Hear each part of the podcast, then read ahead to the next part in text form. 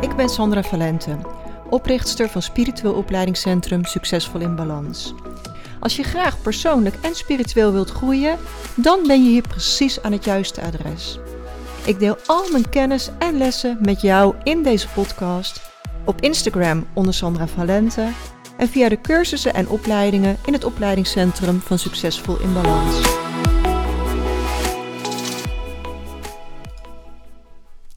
Super welkom bij podcast nummer 85. Stop je perfectionisme en ontspan.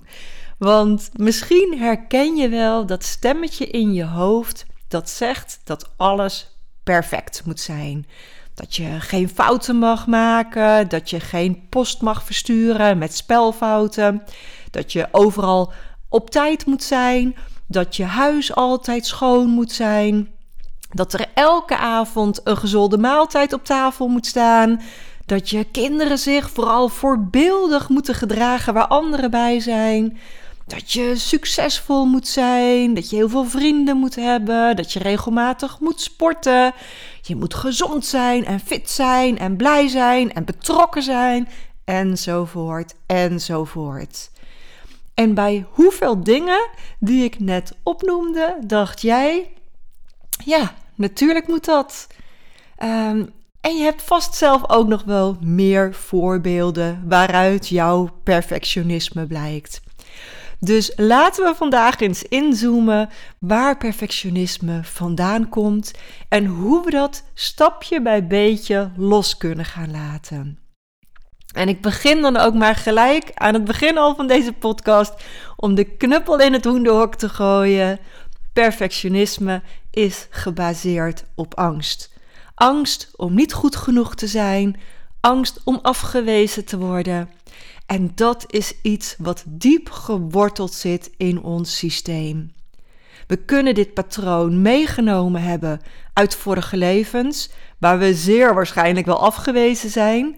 Heel veel lichtwerkers zijn zelfs op de brandstapel beland als ultieme vorm van afwijzing. En dan nemen we ook nog eens uit ons familiesysteem allemaal angst en onzekerheid mee voor afwijzing. En dan maak je in dit leven ook nog dingen mee waarbij je je afgewezen voelt. En voilà, voor je het weet ben je een perfectionisme queen. Ik weet er alles van, bin there, done that. En ik leer nog steeds om dat perfectionisme los te laten.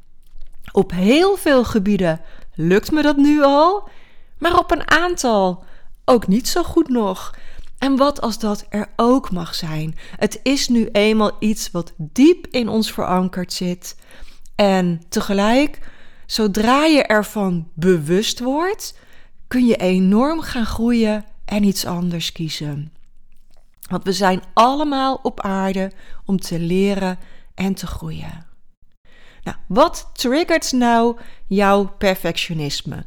want ik zei net al, de kernoorzaak kan liggen in een vorig leven, in het familiesysteem en bij ervaringen in dit leven. En zeer waarschijnlijk een combinatie van die drie.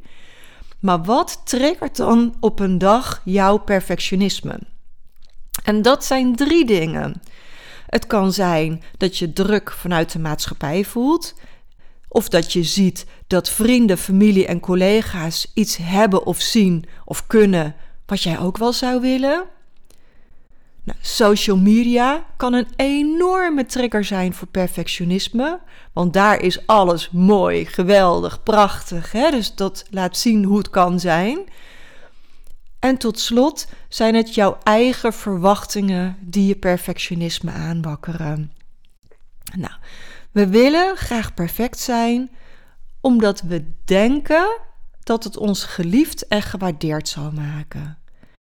Maar laten we eens eerlijk zijn: niemand is perfect en het nastreven daarvan kan leiden naar stress, angst en zelfs een burn-out. En een hele interessante invalshoek is om even stil te staan bij de wet van aantrekking. Want als we constant streven naar perfectie, trekken we eigenlijk meer stress en spanning aan. Ik hoop dat je dit kan horen, dus ik ga het nog een keer herhalen, want de wet van aantrekking werkt altijd. Als jij streeft naar perfectie, dan zeg je eigenlijk dat je niet goed genoeg bent. dat het allemaal nog niet goed genoeg is. En dan schiet je in een modus van tekort. En daarmee trek je meer daarvan aan, wat zorgt voor stress en spanning. Oké, laten we samen gaan kijken hoe we dit kunnen veranderen. Nou, absoluut op nummer 1 bewustwording. Bewustwording komt altijd voor de verandering. Pas als je je ergens bewust van bent, kun je ook iets anders gaan kiezen, kun je iets veranderen. Dus het begint allemaal met het bewust worden van je perfectionistische gedachten. luister naar dat stemmetje in je hoofd en vraag jezelf af waar het vandaan komt. Is het wel echt jouw stem? Of is het eigenlijk stiekem de stem van iemand anders? En is dit wel van jou? En dan zul je erachter komen dat het heel vaak van iemand anders is. Dat het helemaal niet jouw maatstaf is, maar dat je het overgenomen hebt. Van je vader, je moeder uh, of van wie dan ook. En als je het idee hebt van ja hoor, dit is echt mijn gedachte, hè, dit is echt van mij, stel jezelf dan eens de volgende vragen. Dat wat jij nu denkt, is dat wel waar? En hoe weet je dat het waar is? En zou je ook iets anders kunnen denken? Wie zou je zijn zonder die gedachten? En misschien denk je: Oh, dat rijtje vragen heb ik wel eens vaker gehoord. Dit zijn de vragen van Byron Katie die super helpend zijn om je gedachten om te buigen. is dit waar? Hoe weet ik dat het waar is? Kan ik ook iets anders denken? En wie ben ik zonder die gedachten? En je kan eventjes deze podcast op pauze zetten en pen en papier pakken en die vier vragen opschrijven. Want dit is transformerend. Nou, en dan absoluut tip nummer twee is: relativeer en wees lief voor jezelf. Niemand is perfect en dat hoeft ook helemaal niet. Het is oké om fouten te maken en ervan te leren. Want wat gebeurt er nou werkelijk als je een keer een fout maakt? Of als je een keer een mail met een typfout verstuurt. Of als je huis niet perfect schoon is. Enzovoort. Relativeer. Als je een fout maakt, los het gewoon op. En dan is het prima. En ik weet dat ik in het begin van mijn ondernemerschap het echt vreselijk vond om een mail met een typfout te versturen. Of een post te plaatsen op social media met een typfout. En dat zorgde ervoor dat ik alles altijd tien keer nalas. Dus het kostte mega veel tijd. Maar misschien herken je zelf ook dat je enig moment blind wordt voor je eigen fouten. Dus dan heb je er zo vaak overheen gekeken. En dan nog steeds zit er een typfout in. Dus dan ging er een nieuwsbrief uit met een typfout. Um, en juist doordat ik het heel erg vond om fouten te maken, stelde ik de wet van aantrekking in werking en waren er altijd klanten die me op mijn typfout gingen wijzen. En het grappige is, sinds het mij niet meer uitmaakt, want het gaat om een boodschap. Um, en ik denk dat iedereen begrijpt dat er wel eens een typfoutje ergens in de flow terecht kan komen. Krijg ik veel minder reacties op een foutje in mijn mail. En het gebeurt echt nog wel eens dat iemand de behoefte voelt om mij te wijzen op een typfout. Maar het raakt me niet meer, want het gaat om een boodschap en niet om de typfout. En dat iemand anders de behoefte voelt om die typfout met mij te delen, zegt niets over mij en natuurlijk ga ik echt geen nieuwsbrieven versturen waar tientallen typfouten in zitten. dat het helemaal storend wordt om te lezen. Dat je denkt, oh, weer een typfout. dat past helemaal niet bij mij. Maar ik weet dat dat ook niet het geval is. In de snelheid maak je wel eens een typfoutje. Uh, en mijn instelling is nu: hoe meer kennis en waarde ik met de wereld wil delen, hoe belangrijker het is dat ik mezelf er niet in verlies. Ook niet in tijd en energie. En dat heb ik echt moeten leren. ik volg altijd mensen die verder zijn dan ik. Want ik vind het mega belangrijk om altijd een bron van inspiratie te hebben.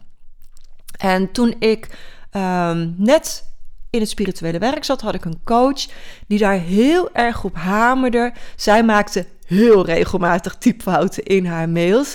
Um, en zij schreef heel vaak: Je hoeft me niet op mijn typfouten te wijzen. Het gaat om een boodschap. Mijn Nederlands is niet zo goed, maar volgens mij snap je mijn boodschap wel. En dat was voor mij zo een bron van inspiratie. En dat heeft mij ook ja, gemotiveerd om dit te gaan omarmen. En nu volg ik weer iemand anders die verder is dan ik. Uh, en toevallig zag ik haar van de week op social media zeggen: Jongens, ik weet dat er een typfout in mijn story zit. Het is niet anders. Ik heb geen zin om alles te verwijderen en opnieuw te gaan plaatsen.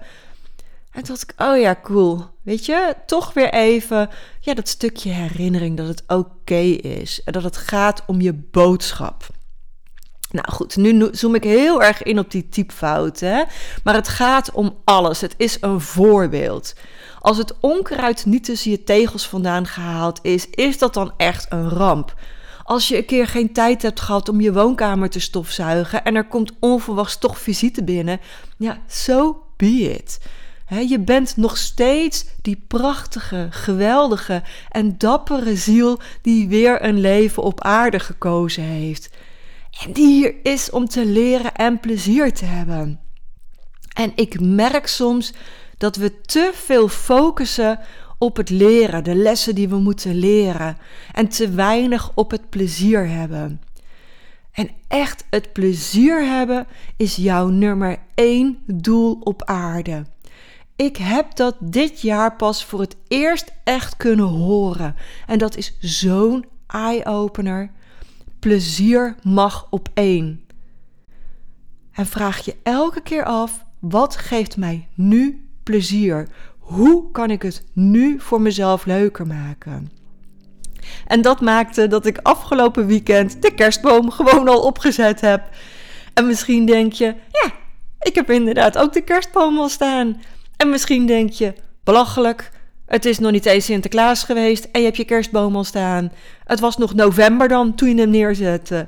Ehm, en ik heb echt werkelijk nog nooit zo vroeg een boom opgezet. Maar ik had er gewoon zin in. En mijn kinderen kwamen echt één voor één allemaal binnen. En die hadden allemaal commentaar van... Nou mama, jij zegt altijd geen kerstboom voor Sinterklaas. Uh, en nu dus wel. Gewoon omdat ik er zin in had. Omdat ik het leuk vind. En dit is iets super simpels. Maar wat als het ook simpel kan zijn? Wat geeft je nu meer plezier? Ongeacht wat iemand anders daarvan vindt. Al wil jij met Pasen een kerstboom opzetten. Als jou dat plezier geeft, waarom niet? Ik gun je enorm dat je jouw perfectionisme stapje bij beetje los kan gaan laten. Want je doet ertoe, je mag er zijn en je mag je eigen keuzes maken. En je hoeft niet perfect te zijn. Spiritueel groeien heeft mij enorm geholpen om het perfectionisme los te laten. Want het gaat compleet over zelfcompassie, over zelfliefde. En elke reiki-graad verhoogt je bewustzijn en heelt oude patronen die perfectionisme in stand houden. Dus als je voelt dat je een reiki-cursus wilt komen doen, dan ben je super welkom. Dat helpt zo in je groei. Het verhogen van je bewustzijn is de allerbelangrijkste stap naar een leuker en lichter leven. Dank je wel voor het luisteren en als je het nog niet gedaan hebt, zou je dan één dingetje voor mij terug willen doen? Voor alle gratis kennis die ik in mijn podcast deel, zou je de podcast een 5-sterren beoordeling willen geven. Want zo zullen nog meer mensen de podcast vinden. En dat inspireert anderen ook weer om te groeien. En zo kunnen we samen de wereld mooier maken. Dankjewel en tot volgende week.